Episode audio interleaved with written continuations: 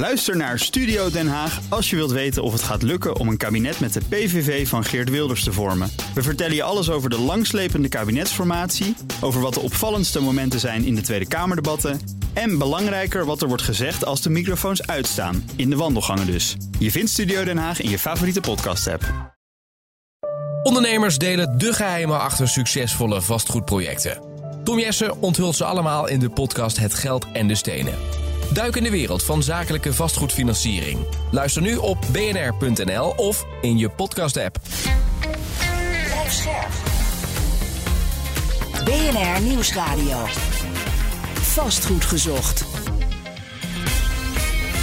John van Schagen en Maarten de Gruiter. Gebouwen zonder gasaansluiting. Gemaakt van materialen die biobased zijn of in ieder geval milieuvriendelijk. Supergoed geïsoleerd uiteraard en voorzien van slimme energieopslagsystemen.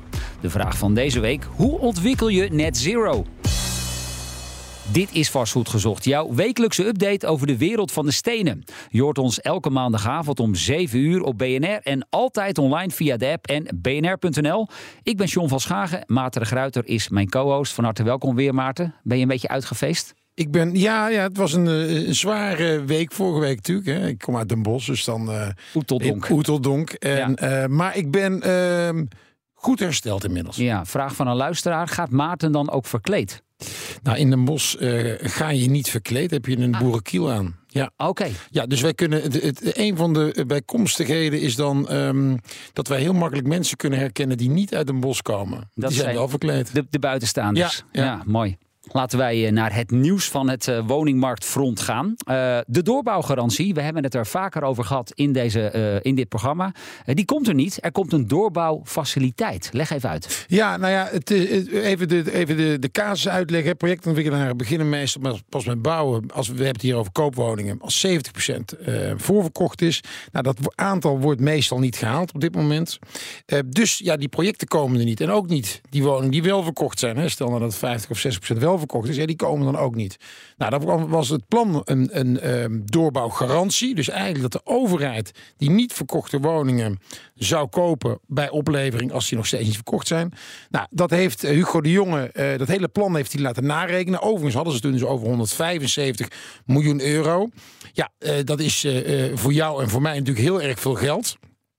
Maar voor een overheid is dat natuurlijk echt helemaal niks, 175 miljoen. Ja, en dan kun je ongeveer, laten we zeggen, 350 woningen, 400 uh, woningen van kopen. Nou ja, dat, dat, dat is op landelijke schaal is ja, dat helemaal niks. Is natuurlijk heel erg weinig.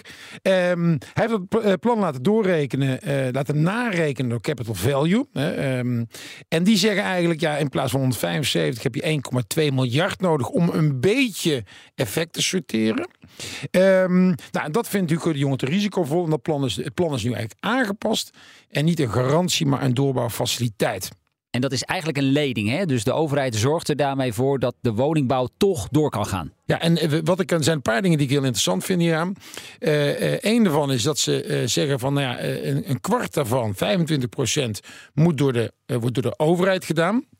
Nou, dan ga je eigenlijk toch ook, als je op 1,2 miljard kijkt, is, ga je toch eigenlijk weer voor overheids normen naar kleine bedragen, relatief kleine bedragen.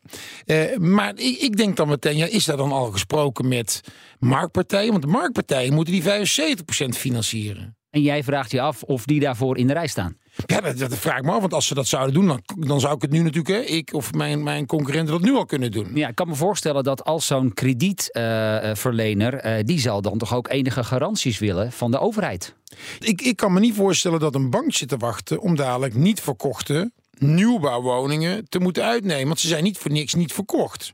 Maar dus dat is wat ik ook wel uh, interessant vind hieraan, is ook hebben de, uh, in, in de afgelopen paar jaar in die hele huisvestingsdiscussie uh, uh, tekort aan woningen worden door met name linkse partijen wordt heel vaak gesuggereerd, joh, we moeten dat helemaal naar ons toe trekken en de overheid moet gewoon zorgen voor woningen. Nou, dan is dit dus een mooi voorbeeld. We hebben het hier al over eigenlijk kleine bedragen, kleine hoeveelheden en dat is al een gigantisch probleem. Daar hebben ze dan uiteindelijk toch de markt voor nodig. Je hebt absoluut een markt nodig. Alleen je moet, het gaat natuurlijk om dat je het op een hele goede manier continu in communicatie blijft met die markt. Hoe gaan we dit samen oplossen? En ik vind overigens dat er, dat er best wel wat, eh, zeker lokaal, uh, wethouders zijn die dat wat doen. Hugo de Jonge vind ik helaas die dat te weinig doet. Hè. Die neemt weinig van de waarschuwingen mee die marktpartijen of lobbyorganisaties in het verleden hebben gegeven.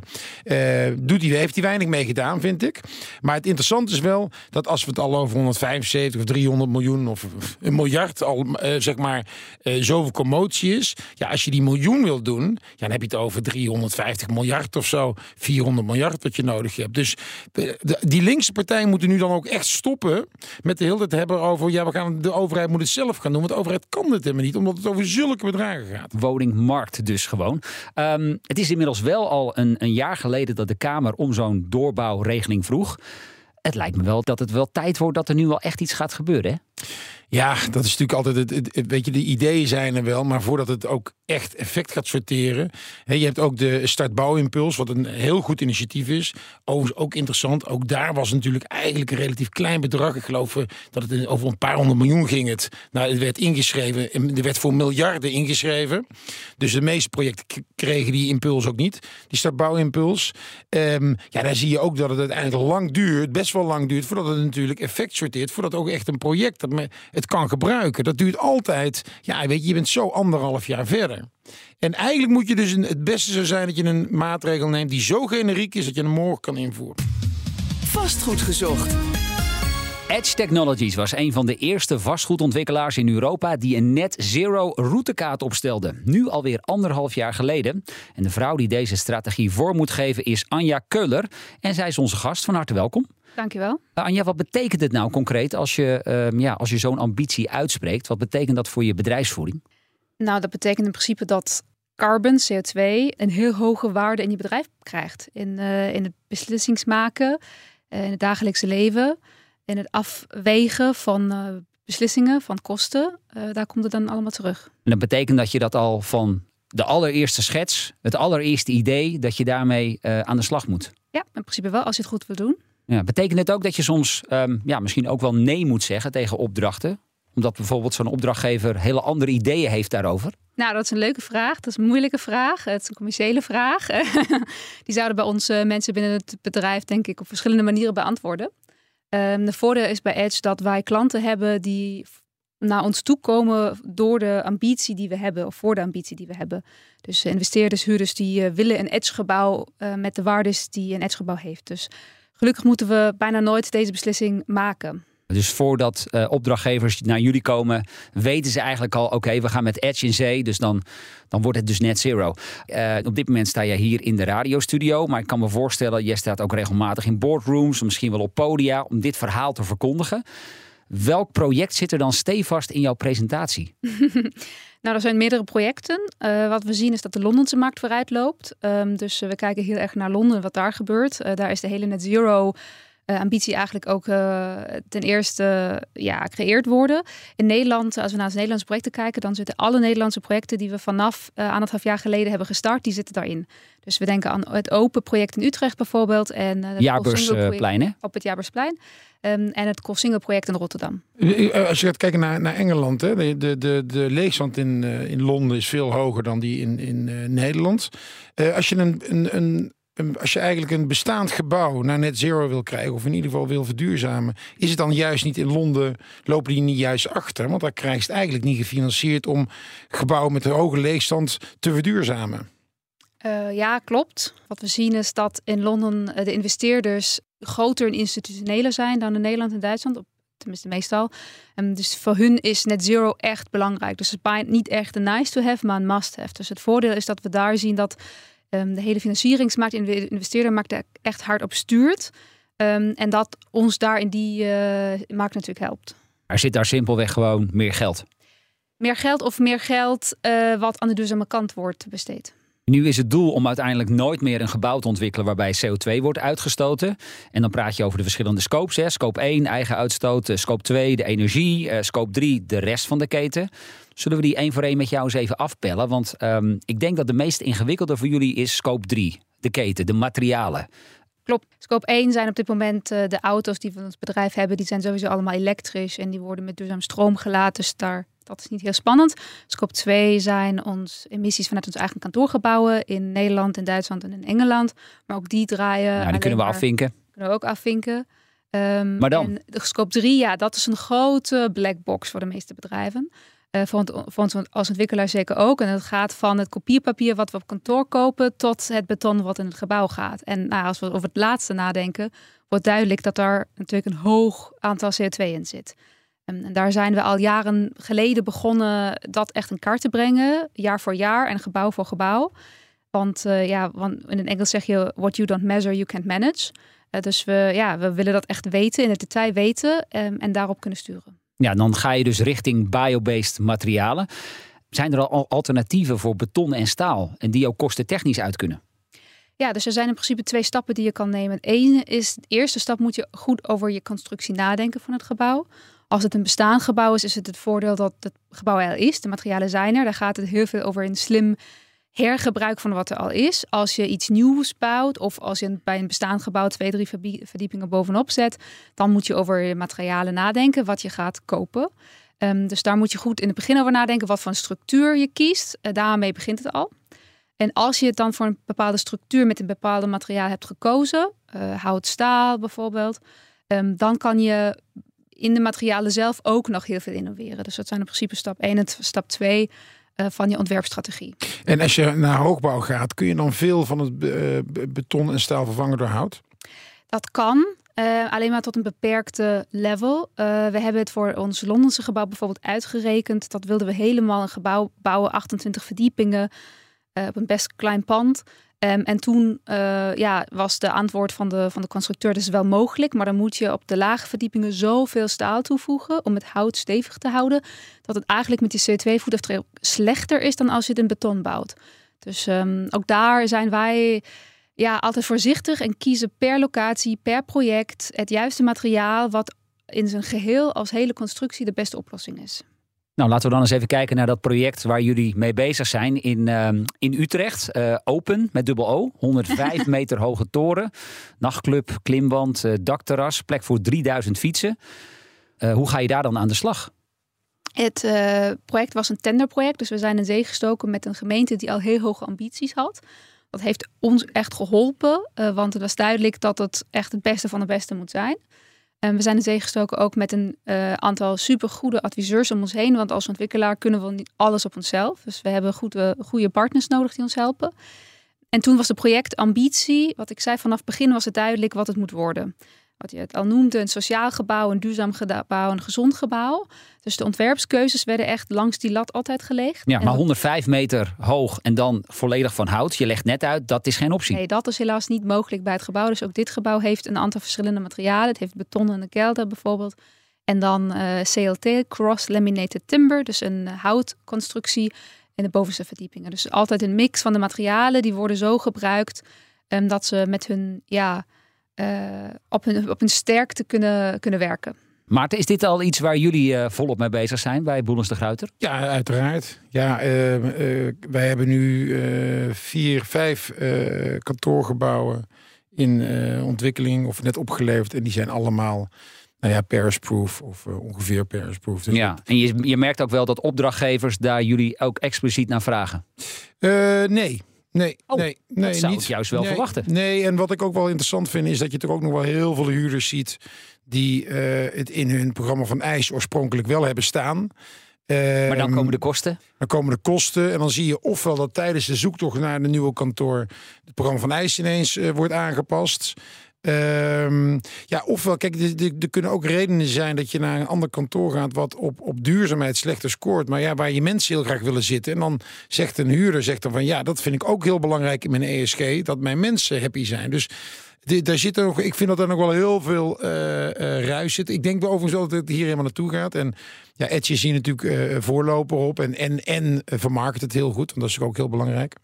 Um, maar ik, kijk, er kan geen kantoorontwikkelaar hier niet mee bezig zijn. Want dat is, dat, ja, dat, is, nee. dat is onmogelijk. Nee, maar jij zegt Paris Proof. En dat is nog wel iets anders dan net zero.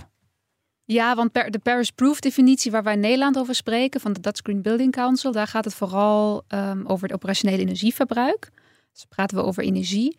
Met het idee dat we ja, niet genoeg hernieuwbare energie in de wereld ter beschikking hebben. Dus we moeten ons energieverbruik reduceren. Net zero carbon gaat dan over CO2-emissies. En dan gaat het niet alleen maar over de operationele fase, maar ook over de bouwfase. Ja. Um, en CO2 en energie hangen natuurlijk samen.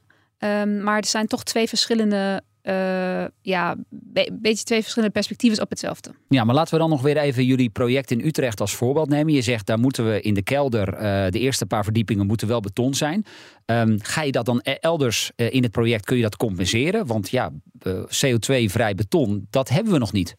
Dat hebben we nog niet. We hebben wel beton die al een heel lage CO2-voetafdruk heeft. de betonindustrie is natuurlijk ook hiermee bezig, druk bezig. Uh, te weten dat beton een van de grootste CO2-vervuilende materialen is. Dus um, je hebt beton wat al uit uh, recycled beton bestaat, met een laag voetafdruk. Um, dat helpt al. Uh, maar ja, zeker moeten dan andere verdiepingen nog beter zijn uh, als je ja, de kelder het beton bouwt. Net zero bouwen dus. Daarover gaat het in eh, deze aflevering van Vastgoed Gezocht. Nou, voor de hele sector zover is, moet er nog wel heel wat water door de Rijn, vertelt collega Rut Oei. De bouwsector is verantwoordelijk voor een substantieel deel van de wereldwijde CO2-uitstoot. Zowel direct als indirect. Direct door het gebruik van bouwmachines en voertuigen die fossiele brandstoffen verbranden. En indirect door het energie-intensieve productieproces van bouwmaterialen zoals staal, cement en glas. Ongeveer de helft van al het beton, baksteen en staal in de wereld is bestemd voor de bouw. Zo draagt deze sector bij aan ongeveer 11% van de mondiale CO2-uitstoot. Maar als we de hele levenscyclus van gebouwen in deze beschouwing meenemen, dan loopt dit percentage op tot bijna 40%. Daar is dan ook echt alles inbegrepen, van materiaalproductie tot verwarming, licht, koeling, afbraak en ontmanteling. Veel grote bouwbedrijven zijn inmiddels aan de slag gegaan met duurzamer bouwen. Ze zetten stapjes met de elektrificatie van voertuigen en aggregaten en verkennen de mogelijkheden van bouwen met hout. Dat is nu nog zo'n 5 tot 10 procent duurder dan beton en bakstenen, maar door schaalvoordelen gaat dat waarschijnlijk snel veranderen. Rut Oei was dat. Wij praten verder met eh, Anja Keuler van Edge Technologies. Um, als je het hebt over net zero, dan heb je het ook vaak over elektrificeren. Um, hebben jullie dan als vastgoedontwikkelaar ook ja, problemen met, het, uh, met netcongestie, met het volgelopen stroomnet? Dat is zeker, uh, zeker een probleem, uh, afhankelijk van de locatie waar je zit. Ehm, het beste is natuurlijk altijd zoveel energie mogelijk op het pand, rondom het pand, op het gebouw zelf op te wekken en in het gebouw te gebruiken. In Edge Amsterdam-West bijvoorbeeld, in Sloterdijk in Amsterdam, hebben we een gebouw wat zoveel zonnepanelen op het dak en op de parkeergarage en op het terrein heeft uh, wat samen met een uh, geothermie systeem um, ja, zijn eigen energie kan opwekken. Uh, maar dat is niet altijd mogelijk. Nee, dat zijn overigens wel dus de combinatie die jullie vaak gebruiken. Hè? Dus aan de ene kant zonnepanelen op het dak en geothermie. En die combinatie moet zorgen voor nul op de meter. Klopt, ja. Dat is op dit moment voor kantoorgebouwen de beste oplossing. Ja. Volgens mij zit je dan wel met hogere initiële kosten want je hebt uh, investeringen in zonnepanelen, geothermie noem je, isolatiematerialen, allerlei energie-efficiënte apparaten. Hoe verreken je dat in je project? Nou ja, dat hoort zeker bij ons product. Dus dat, daar komen we weer terug wat we zeiden, dat investeerders en financierders bij ons terechtkomen als ze op zoek zijn naar een duurzaam product. Um, en als ze voor zichzelf al hebben doorgerekend dat als ze nu een hogere investeringssom betalen, dat het op het lange termijn uh, over de gebruiksfase toch wel uh, terugkomt. Want als we over de afgelopen jaren nadenken in energieprijzen, was het duidelijk dat iedereen die zijn energie uh, zelf opwekt, op het, of, of, of het nu in woningen is, op het kantoren, dat die op een goede plek zat. Ja, ja het, ook ik ben het helemaal mee eens. Hè. Dat is ook daar, daar, daar je hem natuurlijk ook op. Maar, maar ook dat is interessant dat toch ook veel huurders toch. Met name kijken, die zeggen het wel, maar kijken toch ook met name aan je initiële huurprijs. En ik, ik denk dat ook in die huurdersmarkt, hè, dus dit, dit is natuurlijk fantastisch allemaal, maar dat ook in die huurdersmarkt is nog wel een stap uh, te zetten. He, je hebt natuurlijk altijd een aantal, aantal voorlopers en die, die zullen ongetwijfeld naar uh, een edgegebouw. Uh, ik denk dat met name de hele grote bedrijven, die lopen hierin voorop. die willen ook shinen daarmee. En waarschijnlijk de partijen daaronder. Ja, ik zie jou knikken, Anja. Ja, dat is wat wij zien, tenminste in het markt waar wij bezig zijn, dat de grote de huurder internationale de huurder, de, de, de ambities. Want die hebben dan soms een globale ESG-ambitie van hun globale head of ESG. En die komt dan misschien zelfs uit een ander land. En legt de ambitie hoog. En dan moet het lokale team op zoek gaan naar een nieuwe, uh, nieuwe pand. Um, en we zien ook dat we inmiddels echt interessante discussies hebben. We hebben net een uh, kantoor verhuurd hier in Amsterdam. Uh, waar uiteindelijk in de discussie niet alleen maar onze commerciële collega's aan de tafel zaten, maar hun ESG-team, de ESG-team van de, van de eigenaar van het um, project en, en ons team. omdat we echt op een level van detail over duurzaamheid hebben gepraat. Daar konden de commerciële collega's niet meer details in. Dus dat is echt soms super leuk en super interessant. Maar ja, dat is ook nog de uitzondering. En de kleine de huurder. Um, de minder, want die hebben dan geen eigen ESG-team, geen head of sustainability. Die weten ze moeten iets met energie doen en iets met duurzaamheid en iets met gezondheid. Maar wat precies, dat weten Het moet wel een beetje betaalbaar blijven natuurlijk. Klopt, zeker. Ja. En uh, wat jij ook zei, het moet op een leuke locatie. De mensen moeten er naartoe. Als we over nadenken dat het kantoorgebouw op dit moment soms leeg staan omdat de mensen liever thuis werken, moet het ook nog aantrekkelijk zijn. Dus er komt heel veel, er komt heel veel bij elkaar. Hebben jullie dan als vastgoedontwikkelaar ook nog te maken met uh, ja, bestaande bouwvoorschriften, die dan misschien niet helemaal zijn afgestemd op die specifieke eisen van net zero? Ja, we zien dat natuurlijk bouwvoorschriften meestal achterlopen. Dus de innovatie eh, is altijd, loopt altijd vooruit. Dat is de definitie van innovatie. Um, we zien dat vooral de voorschriften heel complex zijn. Dus je moet aan heel veel verschillende, dingen tegelijkertijd voldoen. In Nederland, in Duitsland en in Engeland. Dat maakt eigenlijk niet uit. Um, dat komt, dan komt nu uit Europa ook nog uh, meer voorschriften. Dus ons CEO Koen van Oostrom die zegt altijd... we moeten ja, meer met de carrot werken en minder met de stick. Dus op dit moment dwingt de wetgeving heel veel, maar de carrot voorop, de incentive, het leuke aan het thema duurzaamheid, dat, dat valt soms een beetje achter. Maar maak dat dan eens concreet. Heb je bijvoorbeeld één specifieke maatregel waarmee de overheid uh, jullie zou kunnen helpen? Het gaat bijvoorbeeld over waar we het over hadden. We moeten soms nog met beton werken, want in het kelder moet je met beton het gebouw waterdicht maken. Um, nou, dan heb je de betonindustrie is al heel ver. En ik ben hier niet aan het lobbyen voor de betonindustrie, want dat is een voorbeeld. Um, waar je heel veel kan doen al met beton. En sommige landen zoals Zwitserland zijn al veel verder. Um, dus daar mag je meer pionieren, meer uh, uitproberen.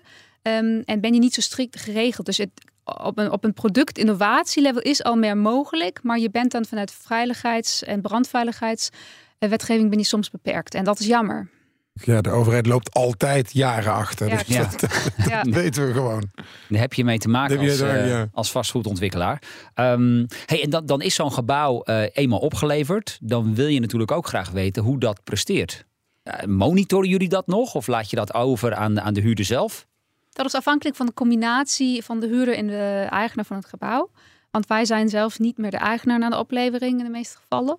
Uh, we hebben met Edge Next, uh, wat ons uh, dochterbedrijf was, die is afgelopen week gelaunched als Next Sense. Samen met het oude bedrijf Visé. Die zijn geza gezamenlijk als Next Sense in zee gestoken.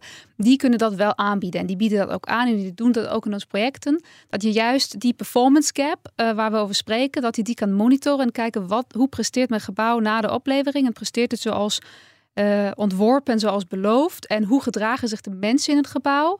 En uh, wat beïnvloedt de in de energieprestatie? Um, ik kan me wel voorstellen dat jij met, um, ja, met investeerders, ook met eindgebruikers, um, ook nog wel gesprekken aan het voeren bent. Uh, die twijfelen dan misschien nog een beetje. Wat, wat zijn nou jouw belangrijkste argumenten om ook, uh, ja, zoals Maart inderdaad al schetst, als het dan toch iets duurder wordt, om ze dan uiteindelijk toch over de streep te krijgen? Nou, het is vooral het, naar het hele lifecycle van het gebouw kijken. Dus dat doe je op een CO2-level, maar dat kan je ook op een uh, kostenlevel doen. Lifecycle kostenanalysis heet dat. En hoe langer iemand bij een gebouw in operatie vast betrokken is, te interessanter wordt. Want dan zie je dat je ja, in het begin de investeringskosten hebt, maar dat je die echt terugbetaalt over, over, um, over het jaar of over de levenscyclus van, van, een, van een project. Dus uh, het, het denken aan ik denk tot de oplevering, of ik denk tot het eerste jaar, dat, dat, daar gaan we niet heel ver. Dus we moeten echt denken over wat gebeurt met het hele leven van een gebouw. En als je een eigenaar van een gebouw bent en die wil het gebouw heel lang houden, dan moet je over nadenken. Wat is de restwaarde van het gebouw op een bepaald moment? En dan komen woorden zoals Paris-proof, future-proof. Um, die komen dan wel in, op, op de kaart. Want dan moet je echt over nadenken. Wat is de prestatie van mijn gebouw? De waarde, waarde van mijn gebouw over 20, 30, 40 jaar? Ja, en ik denk, ik denk even los daarvan dat ook uh, de grote investeerders, de internationale investeerders, die, die willen gewoon in hun portefeuille ook een paar, uh, en daar zijn ze extreem duurzame gebouwen hebben. Flagship gebouwen, ja. Ja, flagship gebouwen. En daar zijn ze gewoon bereid. Want eigenlijk als je natuurlijk nu gaat kijken, het model op dit moment is het natuurlijk bijna niet rond te rekenen iedere kantoorontwikkeling. Hè? Dus dan heb ik het over Amsterdam. Ik bedoel, in de provincie krijgt het helemaal niet rondgerekend. Bijna niet door te rekenen. Maar ik ben ervan overtuigd dat gebouwen zoals Edge die maakt, of, hè, dus, dus hele duurzame gebouwen, dat, dat, dat uh, eindbeleggers, investeerders uiteindelijk echt een aantal van dat soort gebouwen willen of bijna wel moeten hebben in hun portefeuille. Ja, we zien ook dat we natuurlijk, als we naar ons gebouw kijken en vergelijken met het rest, dat ons gebouw dan natuurlijk een portfolio average of zo naar boven of naar beneden brengen, afhankelijk van waar je naar kijkt. We zien ook dat de gebouwen die we maken natuurlijk um, inspiratie zijn. Um, en dat je dat je bijna als je kan bewijzen dat het mogelijk is. Ja, in Amsterdam en ja, op een goede locatie en ja, met de juiste huurders. Maar dat dat helpt en het stimuleert de rest van de markt. En het moet niet iedereen het perfecte gebouw hebben. Maar als je één innovatie, product, wat ook, uh, kan in, in jouw project kan, kan integreren, dan, dan hebben we al geholpen. Um, demontabel bouwen, is dat ook iets waar jullie naar kijken? Ja, zeker. Als we over de restwaarde van de gebouwen spreken, dan is uh, demontabel bouwen zeker belangrijk. Want gebouwen staan niet uh, 100, 200 jaar, misschien staan die nog 50, 60 jaar. Zeker als we naar een bestaand gebouw kijken, iets toevoegen. Ja, dan kijken we daar zeker naar. Dus bijvoorbeeld in het Olympic en het Stadium, dat zijn projecten van ons hier in Amsterdam. Uh, daar hebben we nog twee verdiepingen bovenop gezet. En die zijn helemaal demontabel uit hout. Die zijn ook niet met elkaar verbonden. Die zijn echt alleen maar geschreven, dus losse connecties. En, en dan komt alles in de materialenpaspoort. En dan kan de eigenaar van het gebouw weten welke materialen die in zijn gebouw heeft. En aan het einde van het leven kan hij die materialen, als die nog goed zijn en als die nog stevig zijn en nog een functie hebben, kan hij die verder doorverkopen of, of verder gebruiken. Ja, ik denk dat een, een andere oplossing is natuurlijk ook dat je eh, bij nieuwbouw dat je gebouwen zo maakt dat ze niet zozeer alleen demontabel misschien zijn, maar dat je ze ook makkelijker her, her kan gebruiken door een indeling te kiezen. Ja. Uh, waarbij dat kan. Het grote probleem met waarom, waarom hergebruiken we niet ieder gebouw. Is omdat sommige gebouwen zo lastig te hergebruiken zijn qua een indeling. Dat het niet anders kan. Nee, dat zien we al bij transformeren. Hè? Dat dat in de praktijk ik, ook heel vaak heel lastig Precies. Uh, blijkt. Ja, en dan soms ontkom je niet aan om dan toch te slopen. Dus als je dus een nieuwbouw maakt. Ja, dan moet je het eigenlijk zo maken. Een goed voorbeeld vind ik bijvoorbeeld dat je eigenlijk gebouw moet maken waar bijvoorbeeld parkeren niet in onder de grond zit, maar eigenlijk gewoon boven de grond op lagen die je heel makkelijk kan omzetten later naar bijvoorbeeld kantoorverdiepingen. En want bijvoorbeeld die enorme parkeergarage, als er dadelijk minder auto's zijn, als er minder auto's gebruikt worden, ja, met, met een parkeergarage echt lastig om daar nog iets van te maken. Dus ook de, hoe je een gebouw nieuw ontwikkelt, moet je natuurlijk ook op een manier doen dat je hem heel makkelijk kan hergebruiken, dus op een andere manier kan indelen. 100% en ook daar helpt hout. Dus uh, CLT uh, bijvoorbeeld. We hebben in, Lon in een Londense project hebben we een uh, constructie gevonden. Daar kan je elementen in het plafond eruit halen en kan verdiepingen verbinden en kan achter, na je, aan, aan het einde van die leasecontract kan je die weer erin zetten. Dus daar, daar zijn wel superleuke oplossingen. en biobased bouwen is er zeker ook een oplossing voor. En over hoeveel jaar is dit gemeengoed wat jou betreft?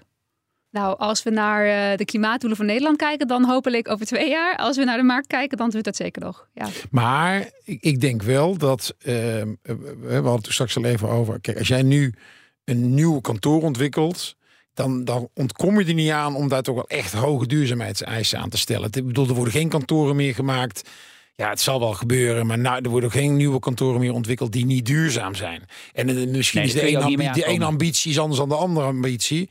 Maar het is alleen, er is natuurlijk zoveel al ontwikkeld. Ja, voordat dat allemaal is uh, uh, op die manier is verduurzaamheid, is iets anders. Maar nieuwe kantoren die erbij komen, en zeker niveau Zuid als het niveau Amsterdam, dat is natuurlijk allemaal wel extreem duurzaam. Anja, tot slot, welke adviezen zou jij willen geven aan andere vastgoedontwikkelaars die uh, ja, willen beginnen met de ontwikkeling van net zero gebouwen? Nou, ik zou zeggen durven te doen, dat is het e-, eenste, uh, de eerste. Um, en verder nog kennis uitdelen, kennis, kennis delen, kennis uitwisselen, um, kennis ophalen. Er is al heel veel informatie beschikbaar in de markt. Er zijn leuke netwerken, ook in Nederland. Um, waar, je, waar je inspiratie kan halen. En we kunnen het niet met onszelf oplossen. En uh, we kunnen het ook als edge niet oplossen. Er zijn zoveel bestaande gebouwen, uh, dus het gaat zeker hier om. En we delen ons kennis graag als edge. Uh, andere bedrijven delen hun kennis ook graag, dus daar gaat het om. Maar ook wel leuk dat we een keer iemand in de uitzending hebben van Edge Technologies. En die luistert niet naar de naam Koen van Oostrom. Ja. dat, dat we een keer iemand anders. Uh, er werken, er werken meer mensen dan alleen Koen daar. Hoor. Zo is dat. Zo is het. Anja Keulen dus uh, van Edge Technologies. Uh, dankjewel voor jouw komst hier naar de studio. En Maarten, ook jij bedankt. Dit was vast goed gezocht. We zijn er als radioprogramma en als podcast. Volg ons en je mist nooit meer een aflevering. Dank voor het luisteren. Volgende week is Maarten Bouwhuis hier gewoon weer. Dag. Vastgoed gezocht wordt gesponsord door Mogelijk. Mogelijk. Vastgoedfinanciering voor ondernemend Nederland. Ook Liesbeth Staats vind je in de BNR-app. Ja, heel handig. Luister live naar Kees en mij tijdens de Daily Move. Dan blijf je ook gelijk op de hoogte van breaking news en het laatste zakelijke nieuws. En daar vind je ook alle BNR-podcasts, waaronder de Perestrooikast. Download nu de gratis BNR-app en blijf scherp.